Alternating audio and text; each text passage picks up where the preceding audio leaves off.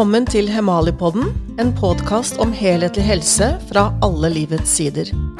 Hemalipodden gir deg de modige stemmene som bringer debatt, erfaring og kunnskap videre. Guro, hvordan startet du dagen i dag? Den starta jeg sånn som jeg alltid gjør, med et eh, stort glass med lunka sitronvann. Det er den beste dagen å starte dagen på. Det, det, det, det hopper jeg aldri over. Så gikk jeg en fin tur i regnet, og så dro jeg hjem og lagde meg en kakao med råkakao og masse fett oppi. Og så satte jeg meg i bilen og reiste til deg. Så Julia, hvordan starta du din dag? Jeg startet dagen med en fristelse som altså var så vanskelig å motstå, men jeg klarte det. Fristelsen var nemlig å ikke smaske så hardt på den skjønne lille toåringen som lå ved siden av meg i sengen, at hun våknet. Det klarte jeg, og siden så var det den store kaffekoppen med Jeg bruker jo kumelk, jeg er tilbake på kumelk, altså. Jeg vet ikke hvorfor. Jeg, herregud, så mange melker jeg har vært innom. Men nå er jeg tilbake på kumelk iblanda blanda kremfløte. Og så var det å kjøre den lille skatten til babysvømming. Så jeg hadde Altså, onsdagene er skikkelig god godmorgen. Og nå sitter vi her ganske sprekkeferdige av stolthet begge to, Guro, for endelig så er vi i gang med podkast. Dette har vi drømt om eh, ikke så lenge, og nå er det en realitet. Guro, du er jo journalist hos eh, Hemali, og jeg er redaktør. Og med oss på laget har vi nå også fått eh, de kjente eh, podkastskaperne Miriam Eklund og Frode Klevstul, som har Antiantepodden. Og hadde det ikke vært for Frode og Miriam, så hadde vi vel ikke kommet så flott og greit i gang med podkast som vi nå gjør. Herregud, dette blir bra. Ja, altså jeg syns vi var så elegante da vi pakka opp utstyret i dag. For vi bare fant liksom alle innganger ting skulle være, og så var vi i gang. Og med hjelp av Frode og Miriam så har det jo gått så smooth. Det er sånn, det er medvind i det her prosjektet her. Så nå gleder vi oss veldig til å invitere første gjesten inn. Og ja, den har vi på plass. Ja, eh, Første gjest det blir eh, professor Halvor Næss, professor ved Haukeland universitetssykehus. Han har fremstått som en sterk og modig stemme gjennom de tre siste årene. Og jeg gleder meg sånn, eh, Guro, til alle de stemmene som vi skal eh, få med i podkasten vår. Og det er jo ikke et mål at vi nødvendigvis skal hente eh, fra enighetens bord. Det er et mål at du som hører på skal bli litt klokere, forhåpentligvis inspirert, og forhåpentligvis få enda en påminner om at verden er så nyansert. Og den er jo, den er jo fortsatt vakker, da, selv om jeg syns det har vært mye vondt gjennom de siste tre årene. Og så er det jo viktig å også huske på at vi skal ha de gode historiene om mennesker som har gjenvunnet helse gjennom å kanskje ta andre grep enn de som man først får presentert når man står overfor en utfordring med helsa si. Så det er jo motstemmene, men så er det også de gode menneskehistoriene som vi gleder oss til å, til å presentere. Så det blir jo en miks mellom For vi har jo paraplyen vår med helse, mat og livsstil. Så vi må jo innom Vi skal innom alle. Og den paraplyen den, den holder vi eh, høyt og, og, stort over oss, for den paraplyen handler jo rett og slett om at vi ønsker å vise fram det fantastiske potensialet i livsstil for helse. Det som er trist, eh, som vi har sett på så mange fronter i samfunnet i det siste, og særlig i det siste, det er jo dette med gruppering og splid, at det blir så veldig ja, enten-eller. Enten skolemedisin eller alternativmedisin. Enten vaksinert eller uvaksinert. Så et annet mål med denne podkasten, det er jo eh, ja, Bygge bro er litt sånn slitt begrep, men jeg finner ikke noe bedre akkurat nå. Vi ønsker det, og vi ønsker å vise at uh, det går an å hente fantastiske ingredienser fra flere leire, og både fra såkalt skolemedisin og fra såkalt um, alternativ medisin. Og vi håper vel også å se mer av det i kommentarfeltet på Facebook f.eks., Guru. I det siste har det vært ganske ampert. Mm. Og jeg syns å se en tendens til at uh, i sånn latskapens argumentasjon, så er det mange som har det med å ta mannen og ikke ballen. Det, det syns jeg er lettvint og litt feigt, for da uteblir jo debatten. Ja, så det kommer herved en oppfordring. Ta ballen og ikke mannen. Og det, det håper vi å se mer til. Og så, og så er vi jo ikke fremmede for å invitere noen av de virkelige meningsmotstanderne våre òg. Vi har jo eh, kommentarfeltet fullt av de, så det er bare å ta kontakt med oss, så vil vi gjerne snakke med de. Altså, det har ikke jeg fortalt til deg, Guro, men jeg har et navn i hodet mitt allerede. Jeg skal ikke annonsere det. Og så får vi håpe at eh, vedkommende har, eh, har guts til å stille. Fordi det er så viktig for oss å håndtere både kritikk og kritikere på en måte som vi prøver å, å, å fremme som gode verdier. Da. Når vi snakker om åpenhet og fri debatt og bygge bro osv., så, videre, så er det jo selvfølgelig et mål for oss å stå ved det selv. Eh, ikke ved å gå, ikke gå i ekkokammer, ikke bli smale, men nettopp å se at kritikk det er definitivt noe å lære av. og det å ja, åpenhet, det er vel det det koker ned til, kanskje? Åpenhet er det det koker ned til, og det er derfor vi har veldig Altså, vi, vi, ønsker ikke å blokkere noen fra kommentarfeltet vårt. Vi ønsker at alle skal ha tilgang der, fordi vi ønsker den debatten velkommen. Men i det siste har den vært litt, uh, litt enspora. Så vi håper å få den litt uh, opp på et høyere nivå, kan vi kalle det det? Ja. Og, det, og, det, er kanskje det lille bildet, da, dette med mm. kommentarfeltet på mm. Facebook. Men hvis vi løfter det til et, til et um, større bilde, metabilde, så synes jeg å se at uh, dette med å ta mannen og ikke ballen, det er overordnet blitt en veldig sånn vanlig argumentasjonsform. Som sagt, jeg syns den er feig. Jeg syns det er liksom latskapens uh, argumentasjon å kaste ut emblemer og, og bruke den derre guilt by association. ikke sant? Hvis Pål Steigan har gjort noe eller sagt noe for x antall år siden, så skal han for evig og alltid skulle måtte stå inne i mørket. Og jeg ser også en tendens til at eh, det fantastisk vakre, flotte, som ikke vi kan eh, Eller som vi knapt kan leve uten, og altså, våre liv hadde vært dårligere uten, i hvert fall.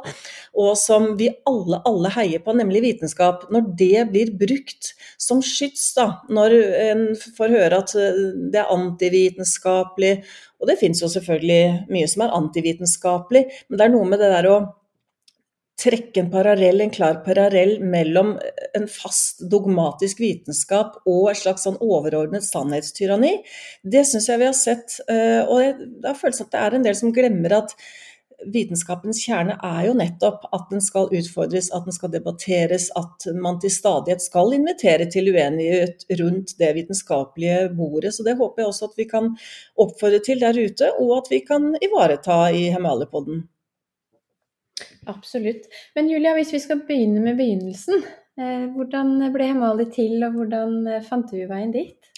Jeg var redaktør for et annet nettmagasin tidligere som heter Kaluna. Og eh, så fikk jeg en, en, forespørsel fra en fin gjeng som skulle starte nettmagasinet Hemali. Og det var jo rett og slett en fristelse så stor, tilbud så flott at ikke jeg kunne si nei.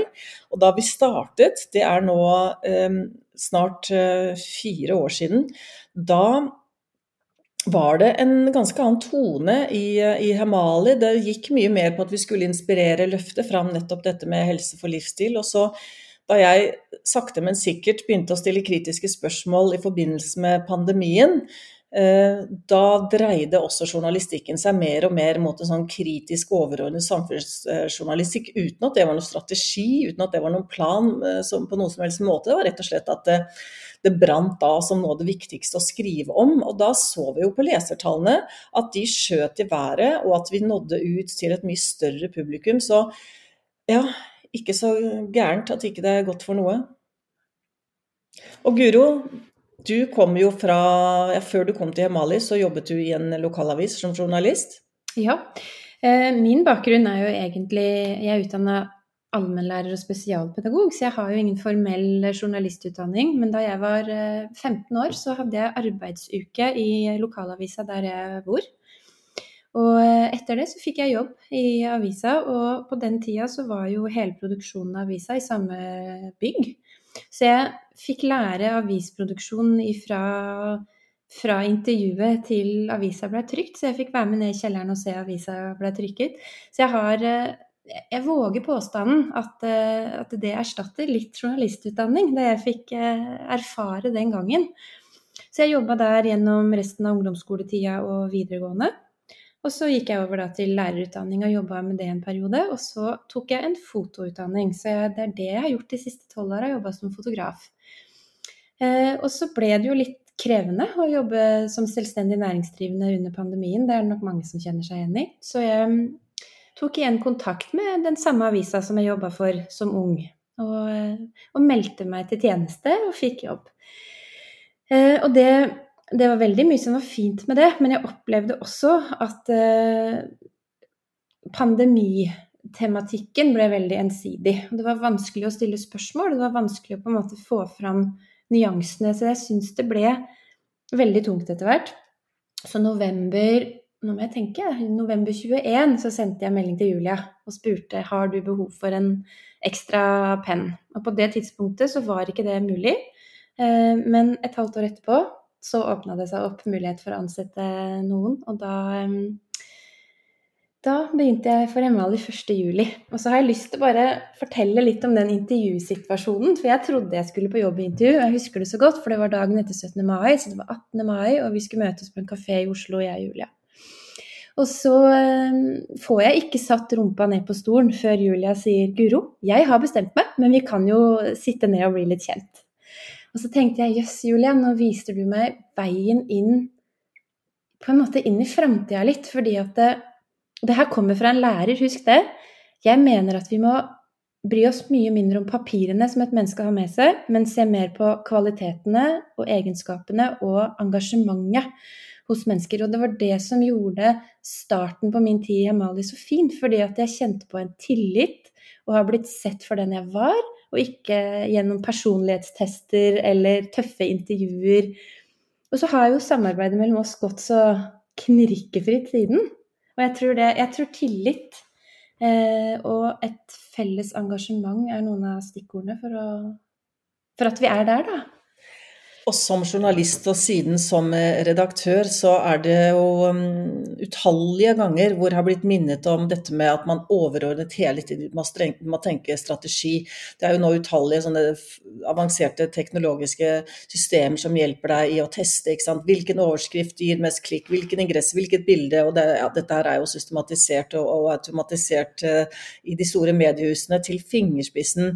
Og hvis noen hadde sagt til meg den gang, da, da jeg på en måte måte tenkte at dette var den eneste veien, og, og, og skal du bli stor, så må du, må du, jobbe på den måten. Og hvis noen hadde sagt da at nei, eh, du skal være redaktør for Hemali etter hvert, og du skal ikke tenke på de tingene i det hele tatt, så hadde jeg tenkt ha-ha-ha, det høres jo litt dust ut.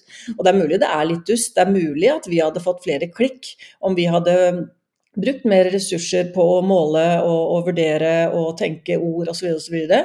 Men for en befrielse det er å slippe og kanskje høres dette naivt ut, jeg vet ikke. Våre aksjeeiere, kjære dere, vi tenker selvfølgelig på bedriften som sådan, men jeg tror at vi nå har gått inn i en tid hvor det er andre verdier enn den overordnede strategien som skal få større plass. Og hvis, hvis vi har rett i det, Guro, hvis vi virkelig har rett i det, at dit er vi på vei, mm. eh, da igjen, høres kanskje drømmende og naivt ut, men da kan vi vel eh, lene oss tilbake og si at eh, vi er på vei mot et bedre sted, da, hvor, mm. hvor dette med eh, menneskets plass skal, skal, bli mer sentralt, og ikke minst individets plass. Og det å lytte like mye innover som utover, kanskje, og se mindre på tall og mer på mennesker. Mm. Nå er ikke jeg så veldig glad i tall heller, da, så det, det, det, har vi til felles, Julia. Men det at vi på en måte skal møte framtida med å la hjertet lede vei, og, og ja, tenke mindre strategisk. Apropos eh, aksjeeiere i Hemali. Vi, jo, eh, vi, er jo nå inne i en eh, kampanje hvor vi selger aksjer, det er andre gang. Og jeg blir altså så rørt når jeg får henvendelser fra disse som ønsker å kjøpe aksjer hos oss. Vi har jo fått over 100 nye aksjeeiere nå i løpet av de siste ukene. For utelukkende så sier de jo kjære vi tror ikke at vi skal bli så rike nødvendigvis på å ha aksjer i Hemali, men vi har så lyst til å støtte dere, for vi heier på dere. Jeg vet ikke om andre bedrifter har eh, noen, om det finnes noen som har lignende erfaring, det gjør det sikkert. Men for oss så kjennes det unikt, og det er altså en så takknemlig gjeng å ha med oss som nettopp har fulgt hjertet, da, og ikke nødvendigvis bare lommeboka. Så det er en glede. Og så må jeg bare si en ting om det der å, å være journalist. fordi da jeg gikk ut av Journalisthøgskolen, så var jeg jo så bombesikker på at det var liksom én bunnlinje som lå der, både i oss eh, som, eh, som eh, i journalistikkens natur, og som den overordnede målsetningen for oss alle, nemlig at vi skal være ekstra kritisk der makt er konsentrert. Dess større andel makt som er konsentrert, dess mer kritisk skal vi være. Og jeg vet ikke hva som skjedde underveis, men jeg må si det er, sånn, det er nærmest en liten sorg å, å føle seg litt uh, alene. Uh, og jeg har jo ikke bare er det jo selvfølgelig venner som har forsvunnet, og som vi har påpekt, det er jo mange i kommentarfeltet som, som er veldig hissige. Men jeg har jo ikke hatt noe mindre kritikk fra mine gamle journalistvenner, altså medstudenter på Journalisthøgskolen. og ja, det er eh, selvfølgelig lett å, å, høres overlegen ut, og jeg mener jo ikke å si at jeg er den eneste som driver kritisk journalistikk, men jeg har gjort meg noen tanker om det de siste årene, det må jeg innrømme. Og jeg, jeg skulle så gjerne vært flue på veggen i, i, noen av de store redaksjonene, mediehusene, gjennom disse tre årene. Jeg skulle så gjerne forstått mer av hvordan, eh, hvordan, mediebildet ble så likt. Hvordan presentasjonen av uh, ulike ulike temaer ble så likt. Om du går fra Klassekampen til Aftenposten, så syns jeg det ligner. Og jeg syns også at politikerne ligner mer og mer på hverandre. Jeg hører nesten ikke forskjell på dem. Nei, det her snakker vi jo mye om, Julia. Og det, det, er, jo et, det er, jo et, mysterium hvordan vi, hvordan vi kom dit. Så er det jo vår jobb å prøve å, å stå for noe annet. Rett og slett å prøve å fylle ut bildet, ja. Og um, igjen, vi skal ikke være ekkokamre. Vi skal ikke bare invitere gjester til uh, podkasten vår som heier på oss. Uh, vi skal invitere hele spekteret. Det viktigste med våre gjester, det er at det skal være stemmer som uh, du ellers ikke hører så mye til. Det er vi opptatt av. Nettopp i nyanseringens navn, og fylle ut bildet, så er vi opptatt av å få inn de fagstemmene som du ikke eh, blir referert til i, Aftenposten og i andre eh, hovedstrømsmedier. Og så er vi opptatt av at disse stemmene ikke bare er de viktige fordi de har noe å si på et litt sånn overordnet nivå, men det er jo også mange av de, disse fagstemmene de har jo sånn fantastisk både akademisk kunnskap og erfaring om dette med livsstil for helse. Så um, det er, um, det er, rett og slett uh, målet, og jeg gleder meg til, uh, til første sending, Guro. Hva er det du gleder deg spesielt til da, i forbindelse med podkasten vår? Jeg gleder meg til å, å, lære helt sikkert mye nytt. Jeg gleder meg til de gode samtalene. Um, fordi at det er en annen måte å formidle, formidle på, rett og slett. Fordi at det, vi får en, fram nyansene på en annen måte gjennom en podkast enn du gjør i en artikkel. Så det gleder jeg meg til. Um, og jeg er helt sikker på at uh, Eller også har jeg en veldig sånn motivasjon i det å få den kunnskapen ut. Nettopp det du sier at det er mange av våre gjester som ikke får plass andre steder i hovedstrømsmediene, så er det så viktig å få de stemmene ut. Så de også blir hørt. Så når vi først er på, hvem, på, på gjester, så har vi en lang liste, Julia, så det er ikke sånn at vi mangler kandidater. Eh, men allikevel så er vi veldig opptatt av å få hjelp av dere til å tipse oss om gode gjester. Og særlig kanskje handler det om historier fra mennesker som har gått såkalte alternative veier for å finne helse. Eh, når ting kanskje har sett mørkt ut, og så har man funnet eh, nye veier til å gjenvinne god helse. Og har man Sitter man på en sånn historie sjøl, eller kjenner noen, så tips oss på post. Den mailen leser vi hver dag, og svarer alle som, som skriver til oss.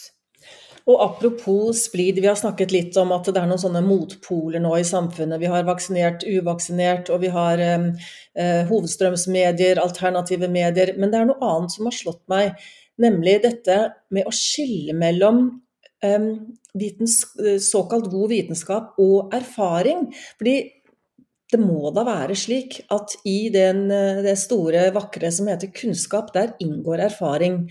Og nå husker jeg ikke det tallet, men jeg, eh, jeg hørte et tall her om liksom, når legen utøver sitt kliniske eh, fag, eh, hvor stor andel av det, særlig hvis vedkommende er en god lege, hvor stor andel av det som handler om nettopp erfaring, som ikke du kan skrive om i lærebøkene, og som ikke du kan utføre studier på, som nettopp handler om eh, at vi er eh, mennesker med eh, relasjoner, at det er det er unikt, og det er en så viktig del av det vi kaller kunnskap. Da. Både, både som lege og som medmenneske og som journalist og redaktør så håper jeg også at vi kunne, kan åpne opp for det, bygge en bro der òg, og kanskje erkjenne at erfaring er også kunnskap. Kanskje den aller, aller viktigste kunnskapen er nettopp erfaring. Mm.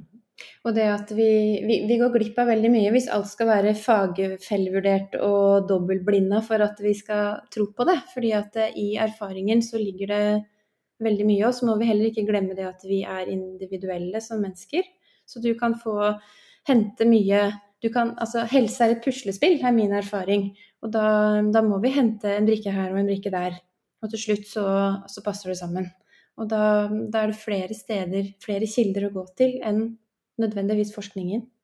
Og det, de stemmene skal høres på Hemmeligholdepoden. Og apropos forskning, det placebokontrollerte, dobbeltblindede studier. Det er jo rangeringer over hva vi kaller såkalt god vitenskap, og det er jo vel og bra at vi har en slags eh, en mal for det. Men eh, enda et punkt jeg er blitt desillusjonert ved. Jeg pleier å si nå for tiden at heller desillusjonert enn naiv, for jeg skjønner jo hvor naiv jeg har vært på veldig mange områder, og jeg har også vært supernaiv hva gjelder forskning. Jeg var jo sikker på at det ikke det gikk an å kjøpe seg forskningsresultater. Så igjen, når vi snakker om sånn god og dårlig vitenskap, og hvordan studiene, deres, deres modell og utforming og når vi snakker om alt dette og kontra erfaring osv., så, videre, så så er det så viktig at vi nyanserer og at vi åpner for at uh, kunnskap er så mangt, og at ikke vi nødvendigvis skal svelge det rått, selv om det såkalt er innen uh, ja, god vitenskap. Da. Uh, det er jo flere redaktører av de mest anerkjente medisinske tidsskriftene i verden som har gått ut og sagt at omtrent vi må anta, med mindre det motsatte bevises, må vi anta at omtrent halvparten av den den medisinske forskningen som blir publisert, det er mer eller mindre juks. Og ja, Det er jo også noe å ta med seg, Guro, er det ikke det? Og Desto viktigere er disse menneskemøtene og disse stemmene som, eh, som ikke har en agenda, og som mm. ikke har noen annen, eh, noe annet mål enn at vi skal bli litt klokere, at vi skal møtes som mennesker. Mm. Og da vil jeg avslutte, Julia, med å stille deg spørsmålet som vi kommer til å stille alle gjestene våre. Ehm, og det er hva er det viktigste grepet du gjør for din helse? Jeg vet hvilket grep det er, og om det har en sånn fantastisk helseeffekt, det vet jeg jo ikke. Men det er morsomt Guro, at du stiller det spørsmålet. Det er morsomt temaet, fordi når Guro og jeg skal møtes, så får jeg alltid en sånn SMS eh, fra Guro eller en melding med typ sånn Du, skal jeg stikke innom og kjøpe litt digg lunsj til oss? Og da kommer det deilige, store mengder av eh, nydelig mat, eh, selvfølgelig laget fra bunnen. Og jeg, altså mitt Noe av det jeg tror på innenfor helse, da, det er jo disse lange pausene fra mat. Og Én ting er eh, at dess mer jeg leser om såkalt periodisk faste, eh, dess mer eh, tror jeg at det er viktig for helsa. Men en annen ting er den friheten det gir. Altså, jeg har aldri matpanikk. Jeg har aldri den der 'Å, gud, nå rumler det i maven. Nå må jeg bare ha mat'. Hvis du ser rundt deg hvor, ja, hvordan det også kan bli en sånn der pisk, da at du får småpanikk, at du bare må løpe til nærmeste løsning, og da blir jo det ofte ikke en så god løsning. Så jeg tror vel egentlig det er det Ja, det er det jeg eh, gjør som en sånn kjerne i hverdagen min, som jeg har veldig tro på. Og jeg synes, nå er det blitt sånn at når jeg når det rumler i magen, så tenker jeg på Marit Kolby, og så tenker jeg på disse her eh, muskelsammentrekningene som det egentlig er. Det er ikke magen som sier 'nå må du skaffe deg mat'. Det er jo disse her eh, mekanismene nede i tarmen som dytter um, bakterier og avfallsstoffer fra tynntarmen ned i tykktarmen, har jeg lært av å høre på Marit Kolby. Så når jeg hører at det rumler, tenker jeg 'yes, nå renses den der tynntarmen'. Kjempebra. Og så holder jeg det gående noen timer til. Hva med deg, Guro? Hva er det viktigste du gjør for helsa? Det er jo uh, et puslespill, som jeg sa før. Så det er jo en veldig sånn helhetstankegang. Men stikkordet er balanse. Sånn at uh, jeg også gjør som deg, Julia, har lange spisepauser. Um, som jeg tilpasser hvor jeg er i syklusen min. Uh, men kanskje det Det er litt vanskelig å si én ting, da. Men for meg har, har jeg fått et nytt eh, begrep inn i livet mitt som jeg har adoptert av, eh, av dyktige mennesker, eller kloke mennesker, som snakker om giftfri mat. For jeg har gradvis gått over til å, eller blitt mer og mer opptatt av hva jeg spiser. Og så har jeg skjønt at det er faktisk forskjell på økologisk mat og giftfri mat. Så for meg har det blitt en, eh, en stor del av min investering i min helse. Det er å prøve å dyrke mer av maten min sjøl det er å ha enda mer bevissthet på hvor maten kommer ifra. Og kanskje da spesielt kjøttet vi spiser. Jeg er så heldig å bo i jeg tror det er Norges nest største landbrukskommune, så vi har mye landbrukere rundt oss som eh, vi kan både handle egg og kjøtt og, og grønnsaker fra. Så vi, vi, bor på en måte midt i en sånn oase. Så maten er en veldig viktig del av det. Men så har jeg også i det siste året kanskje blitt enda mer opptatt av å prioritere søvn. Og så handler det om relasjoner. Hvilke mennesker man omgir seg med i hverdagen. Det er ikke lov å si flere ting, Guro. Nei, det var sånn. Og så må du si hvor du bor. Ja, jeg bor i Nes i Viken, en time fra Oslo i retning Gardermoen. Så når vi treffes, Julia, så kjører ofte jeg hit. Men du har vært i Nes, du òg? Kjempefint i ja. Nes. Jeg anbefaler en tur dit, dere. ja. nei, det ble mye det her. Men stikkordet, det er balanse. Og det er eh, at vi ikke må bli rigide heller, for da blir det heller ikke god helse, tror jeg. Jeg kom til å tenke på et intervju jeg gjorde her forleden med en kar som sa jeg hater det uttrykket 'alt med måte'. Det er nettopp fordi vi gjør alt med måte eh, som gjør at vi har brakt, som har brakt helsa, den vestlige helsa dit den er i dag, nemlig elendig. Nei, sa han. Ikke med måte. Enten-eller. altså, han, han, er en sånn type som eh, trener Han går ni mil på ski med tape over munnen fordi nesepust er jo så bra. Han, ikke bare faster han mens han går de ni milene, men han tørrfaster ja, jeg gleder meg til å publisere det mm, intervjuet. Og han er en eh, bra gjest på podkasten òg. Det er han absolutt. Ja. Så eh, noen eh, vil hevde alt med måte. kanskje det, kanskje det. Vi skal i hvert fall omfavne denne podkasten vår med en ytterste grad av både måte og, og entusiasme. Mm. Vi gleder oss. Og mangfold. Og mangfold. Mm, og mangfold. Alt som er av gode ord, skal mm. med her. Absolutt. Vi gleder oss. Vi gleder oss.